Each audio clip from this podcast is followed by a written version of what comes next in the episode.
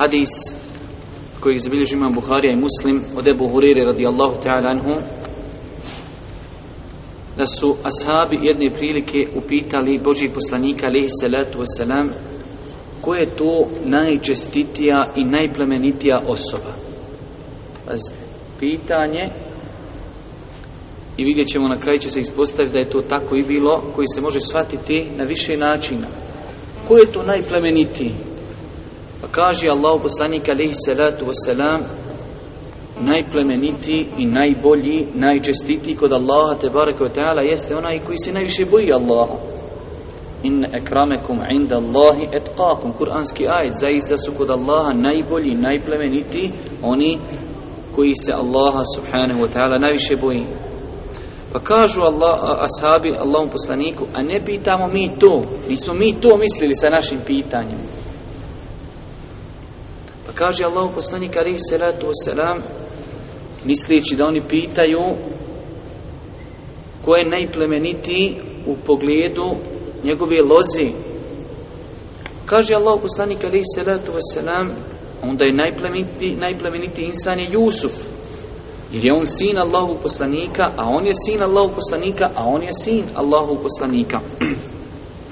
kao što nam stoji dole u fusnoti Jusuf je sin Jakubov, Jakub je sin Ishaqov, a Ishaq je sin Ibrahimum alihim salatu wasalam, a svi su bili vjerovjesnici, četvorica ljudi, jedan za drugim vjerovjesnici.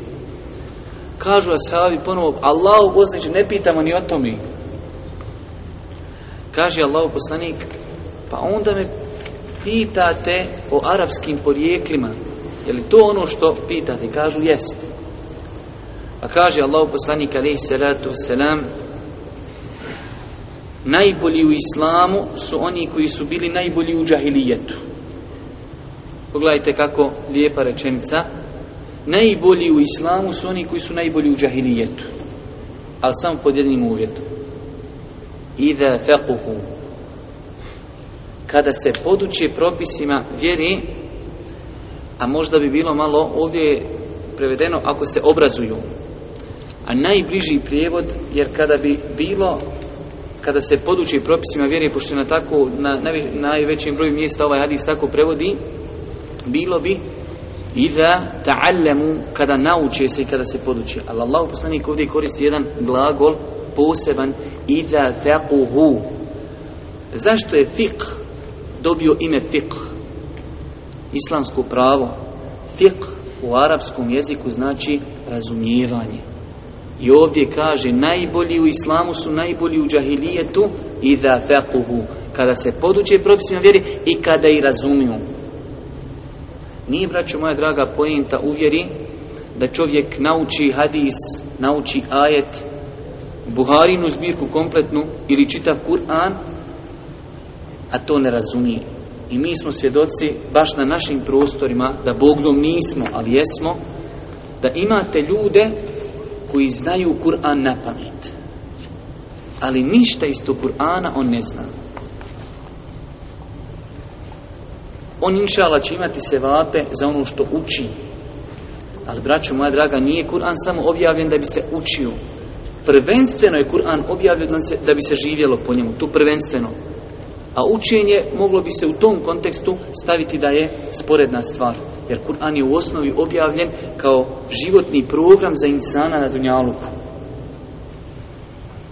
Kažem, nije znači poenta da čovjek zna mnogo hadisa na pamet, nije poenta da čovjek zna kuranskih ajeta dosta na pamet, a da to ne razumije.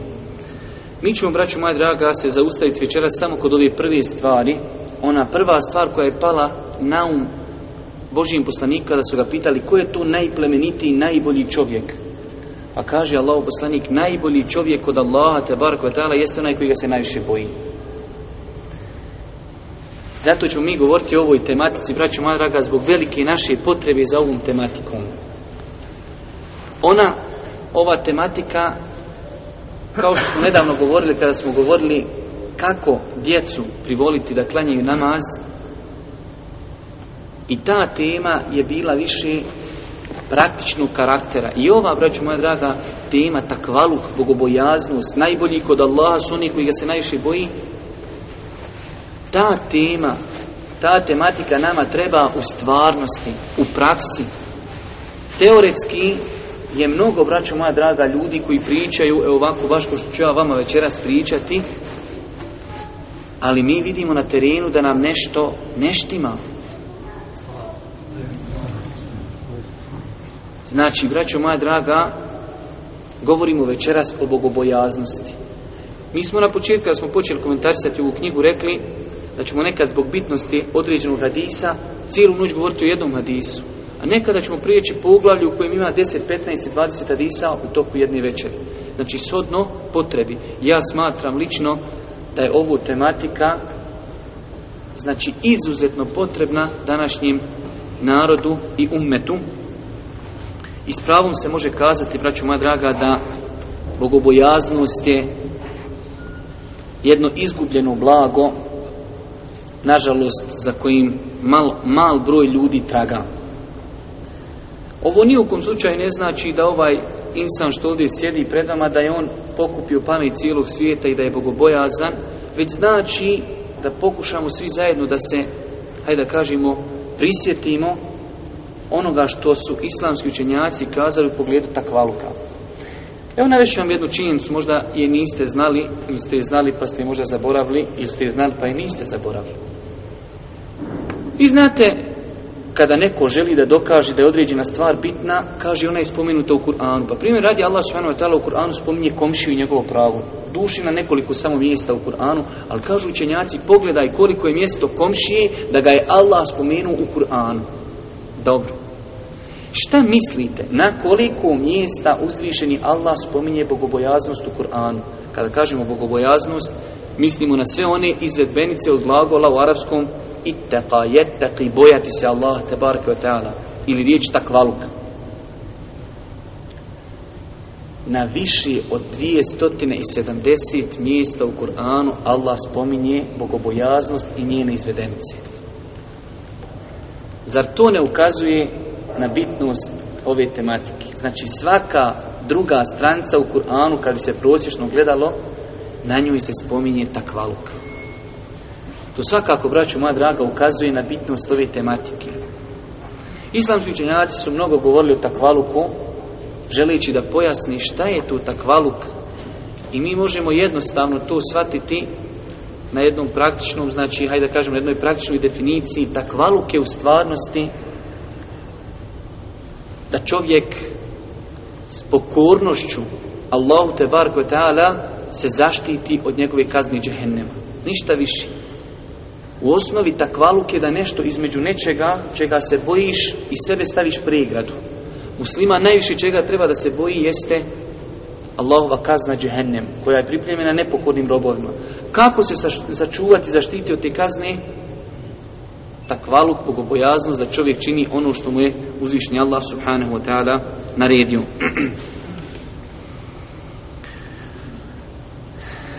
Mi imamo, braću moja draga, ovoj tematici govoriti kroz mnogo nekih, hajde kažemo, poglavlja. Imamo govoriti o faktorima koji kazuju na bitnost bogobojaznosti. Govorit ćemo o plodovima dunjalučko ahiretskim koje čovjek će pobrati ako Bog da ako bude pri sebi imao ovo veliko svojstvo. Govorit ćemo na kraju, opet je to teoretski, ali ćemo pokušati dati neke savjete i smjernice kako čovjek da kod sebe izgradi ovo veliko plemenito svojstvo.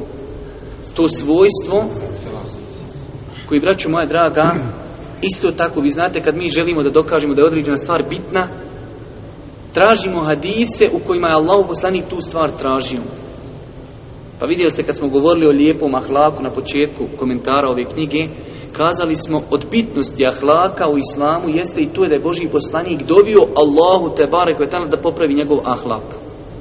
Pa kaže, o gospodaru, kema ahsente halki, hasin huluki, kako si me lijepo stvorio u fizičkom izgledu, tako mi isto podari lijep ahlak.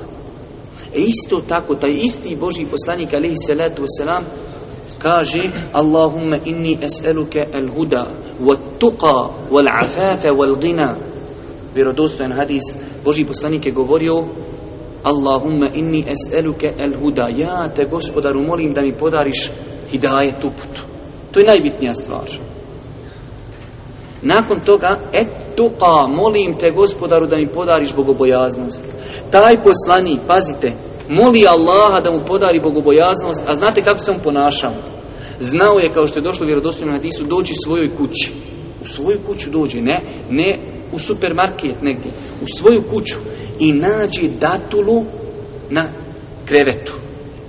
Njegova kuća, njegov krevet. I uzme datulu i hoće da je podigne, da je pojedi. I onda kaže, možda je sadaka. A Božijem poslaniku je bilo zabranjeno jesti sadaku mogao jesti hediju, poklon, ali nije mogao jesti sadaku. I onda je baci. I ostavi je, vrati i ne pojede je. Jedna datula. Taj Allah poslanik takav, on je molio Allah subhanahu wa ta'ala podari mi takvaluk. Pogledajte, jedna datula. U nas ljudi jedu hiljede, stotine hiljada, milijune kamata, ništa. I onda se čudi i kaže, kad ga nešto zvizne, Kaže, što sve na meni? A na koga će? Koga bi ti? Znači, braćo moja draga, ova tematika svakako ima svoju bitnost i zato kažem definitivno, ako pogledamo temeljito, temeljito, odakle najžešći vjetrovi pušu ovom umetu, danas jeste iz ovog pravca. Nedostatak istinske bogobojaznosti takvaluka. Kada pogledate gdje je srž i korijen razlike između nas i prvih generacija. Prve generacije, vraću moja draga, znači kod njih je bilo prihvatanje propisa bez filozofije. Zato su uspjeli.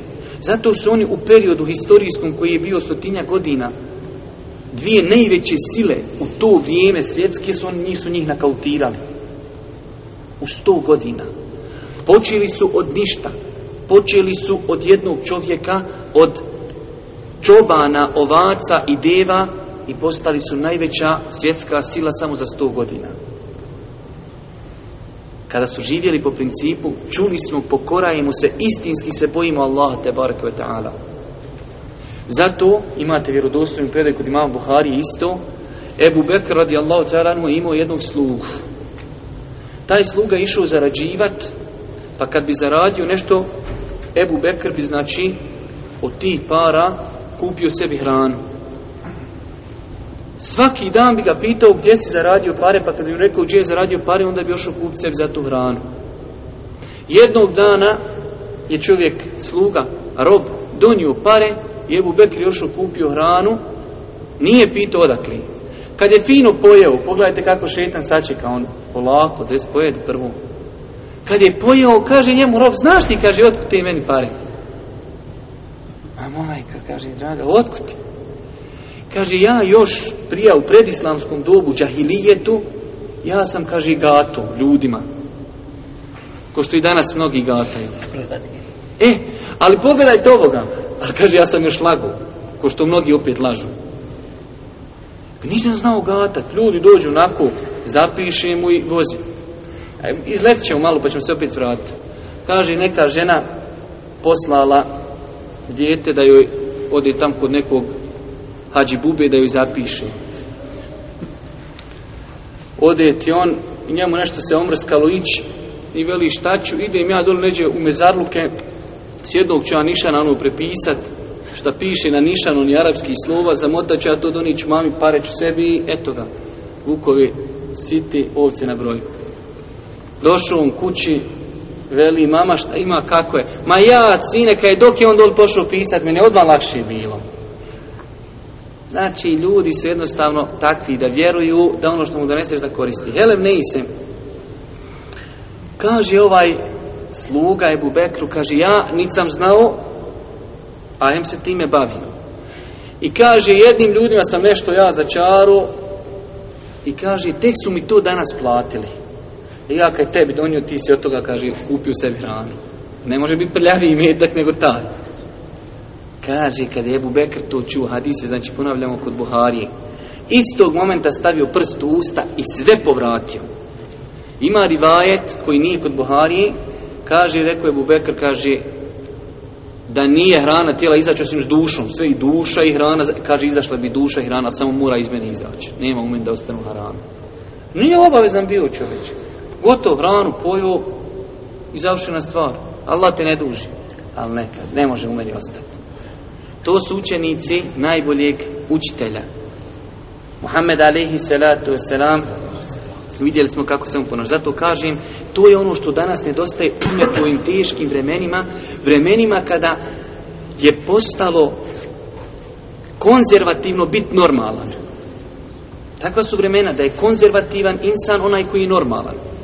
Ako dođeš u društvo i ne konzumiraš alkohol, ne drogiraš se, drinu, ne čadiš, ne uzimaš kamatne kredite, ne gledaš filmove, ne gledaš serije, ne ideš na more, ti si konzervativan. Dok ako sve činiš ono što smo spomenuli, tada si ti dobar. Znači, umet se toliko odalje. Ovo govorimo o muslimanima. Zapad, Europa, Amerika, Australija, mi se njima ne obraćamo uopšte, mi govorimo o svojim problemima. Znači, umet se toliko odaljio od Allahove vjeri, odaljio se od takvaluka, toliko da ne postoji grijeh, veliki grijeh, kojeg umet ne čini javno i na veliko. I onda ljudi dođu i kažu što nam se dešava tu, što nam se dešava tu, zašto nam se dešava tu, kad će prestati u Iraku, kad će prestati u Palestini, u Čečeniji, ovdje i ondje, kad će se kod nas popraviti stanje? Inna Allahe la yugayiru ma bi qavmin hatta yugayiru ma bi anfusihim. Allah neće promijeniti stanje jednog naroda dok taj narod ne promijeni svoje stanje. To je odgovor. Nema tu filozofije.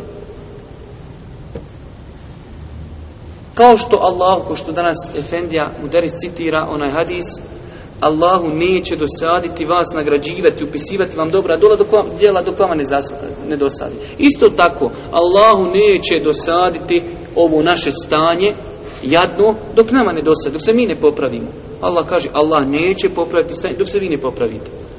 Kad vam dosadi biti poniženi, da vas kolju ko što kolju dole kokoši u ovaku, mijenjajte se, imat ćete bolje. Dok vam ne dosadi, pa eto kad hoćete bujrum. Zato kažem, veoma je bitno, braću moja draga, da govorimo o ovoj tematici. Allah subhanahu wa ta'ala u svojoj knjizi oporučuje takvaluk i bogobojaznost i čak šta više to je bila oporuka od uzvišnog Allaha i prijašnjim narodima Kaže uzvišnji Allah te barek vetala: "Wala qad wasayna alladine utul kitabe min qablikum wa iyyakum an ittaqullah." Mi smo poručili onima prije vas kojima je data knjiga, a i vama da se bojite Allaha. To je znači oporuka svim narodima kroz cijelu historiju čovečanstva. Allahov poslanik zbog bitnosti te teme oporučio ashabima takvaluk. Imate vjerodostojan hadis, jedne prilike Allahov poslanik je držao ders pa kaže prenosio od, dersa, prenosio kaže tako je dirljivo govorio da su naše oči zasuzile, naša srca su zatreperila, pa smo pomislili da je to neki oprosni govor. Pa mi kažemo Allahu poslaniče kao da je to neki oprosni govor, daj nam nešto sažijeto. Pa kaže Allahu poslanik alaihi salatu wasalam, Usikum bi Hoćete nešto sažito, hoćete nešto kao oprosni govor, oporučujem vam, kaže bogobojaznost. To je, braćo moja draga, ono što će insana uzdići na dunjaluku i na ahiretu. Također, ako pogledamo kroz Kur'an, vidjet ćemo da velik broj Božih poslanika su svome narodu govorili iz qala lahum ahuhum Nuh ala tattaqun Kad je Nuh svom narodu rekao, pa zar se ne bojite Boga? Pa isti takav ajet, kada je Hud rekao svom narodu, zar se ne bojite Boga? I tako imate više ajeta koji govori na istu temu. Također, braćo moja draga,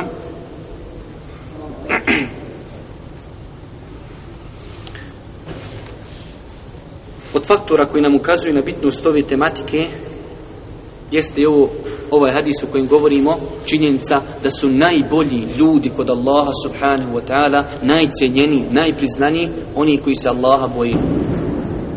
I to je, braću moja draga, odlika ove vjere koji ne možete naći nigdje drugu. Ova vjera je toliko savršena. I nije samo objavljena Arapima, već je objavljena svima nama. I onog momenta kada mi budemo bogobojazni od njih, mi smo bolji od njih. I nikome nije stavljen veto od nas da postane alem, da postane učenjak i da otuda iz arapskog svijeta ljudi njega zovu i da ga pitaju propise. Nikome nije stavljen veto. I dešavalo je se da su ljudi bošnjaci bili, hajde da kažemo, glavnije muftije u Istanbulu za vrijeme dok je hilafet bio u Turskoj.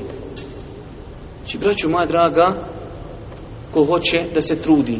Imam Buharija nije bio Arab a njegov sahih je najvjerodostojnija knjiga nakon Kur'ana ili najvjerodostojnija knjiga koju je napisala ljudska ruka. A nije bio Arab. Znači imamo pravilo, ne gleda se ko je otac ni ko je mati. Čak Islam ne čini nepravdu nikome, ali dijete može biti dijete vanbračno.